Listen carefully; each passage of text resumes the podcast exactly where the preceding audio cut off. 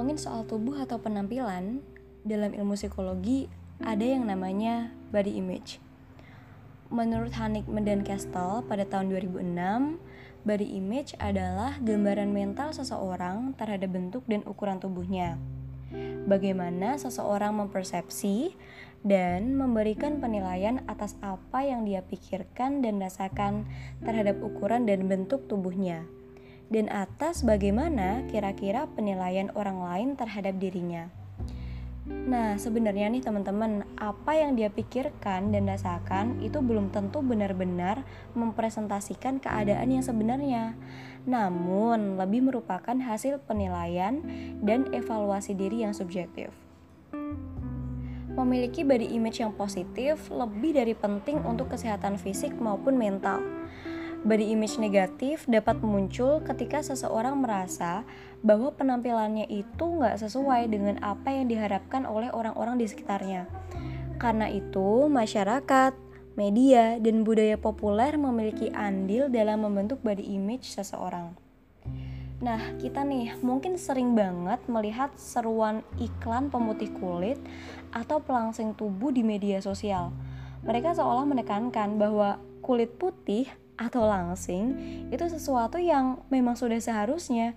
Akhirnya, orang-orang berpikir kalau memiliki kulit yang putih atau tubuh yang langsing akan membuat kita lebih menarik dan jelas bahagia.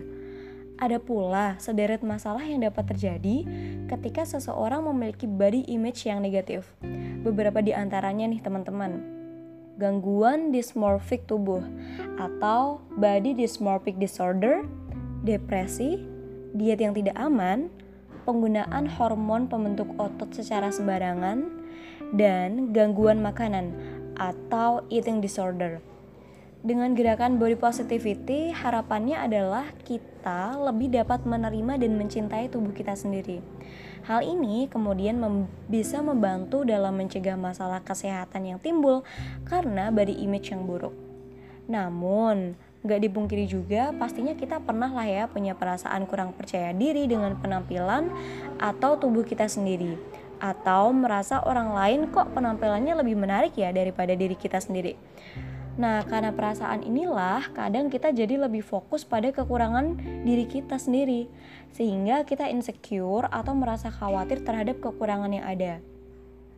Kita nggak merasa percaya diri saat berinteraksi dengan orang lain kita bahkan merasa khawatir orang lain akan melihat kekurangan yang ada pada diri kita.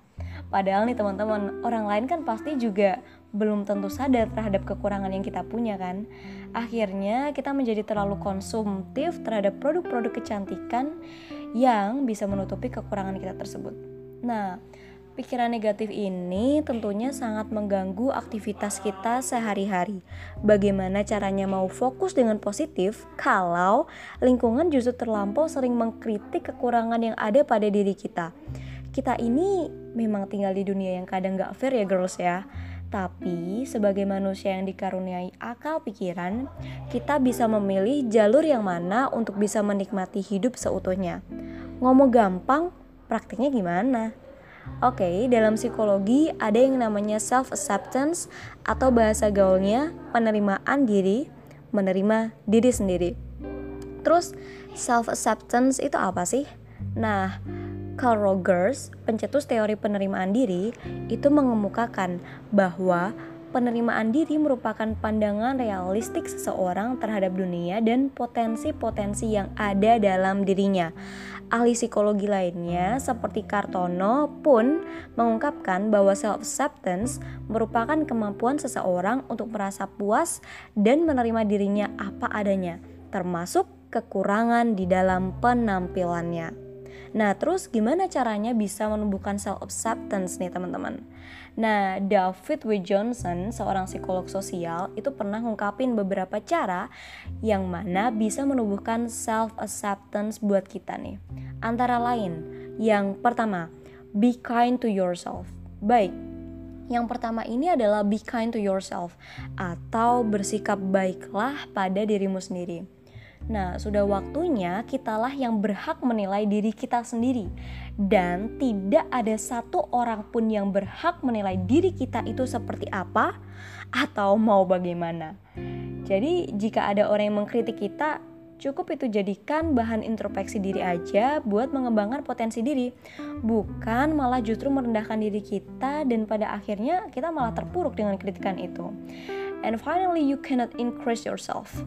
Oke, okay, mulai dari sekarang kita cobalah untuk bisa be kind to yourself and accept all of your flaws anything that. Jadi, terimalah segala ketidaksempurnaan dalam bentuk apa pun itu. Dan yang kedua ialah stay positive. Kemudian selanjutnya adalah stay positive atau tetaplah untuk berpikir positif. Maksudnya tuh gini kawan-kawan. Surround yourself with goodness. Kelilingilah diri kita dengan berbagai macam-macam hal-hal yang positif. Pada akhirnya, kita itu bisa tetap stay positif dan tidak ada pikiran-pikiran negatif yang membebani kita. Bisa juga dengan cara membe membebani afirmasi positif bagi diri kita. Misalnya, dengan membuat host yang manis untuk diri sendiri yang bisa memberikan semangat untuk bisa beraktivitas atau menjalani hidup kita. Yang ketiga, accept your imperfections. Yang ketiga ini ialah accept your imperfection kawan-kawan. Jadi di sini ditekankan kita harus menerima segala ketidaksempurnaan yang kita miliki. Mau bagaimana penampilannya, ya udah nggak apa-apa. Terima aja deh dan hargai diri kita. Percaya bahwa Tuhan itu tidak hanya menciptakan kelemahan saja, tapi juga kelebihan-kelebihan yang luar biasa. Hanya saja nih kawan-kawan, kita itu nggak menyadari itu.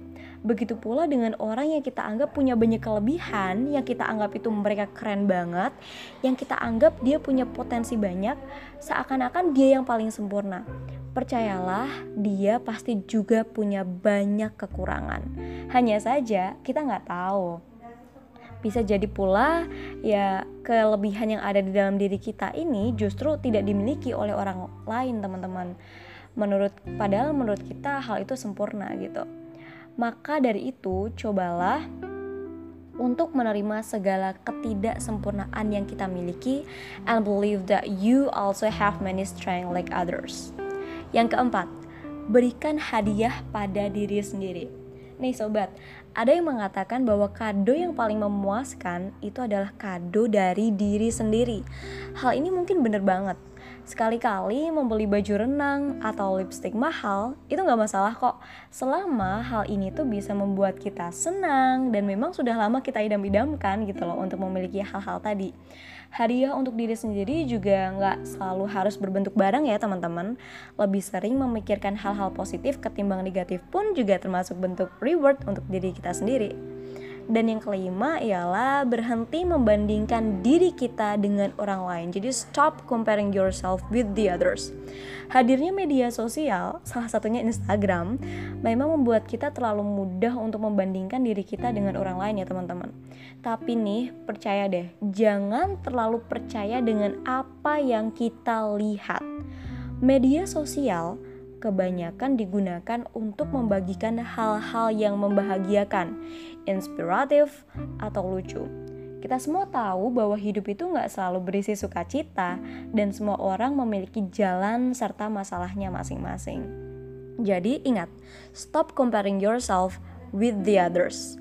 Dan yang keenam ialah ubah perspektif kita kita nggak selalu dapat mengubah apa-apa yang terjadi pada diri kita, tapi kita selalu dapat mengubah cara pandang kita, the way we see about the others, the way we see ourselves.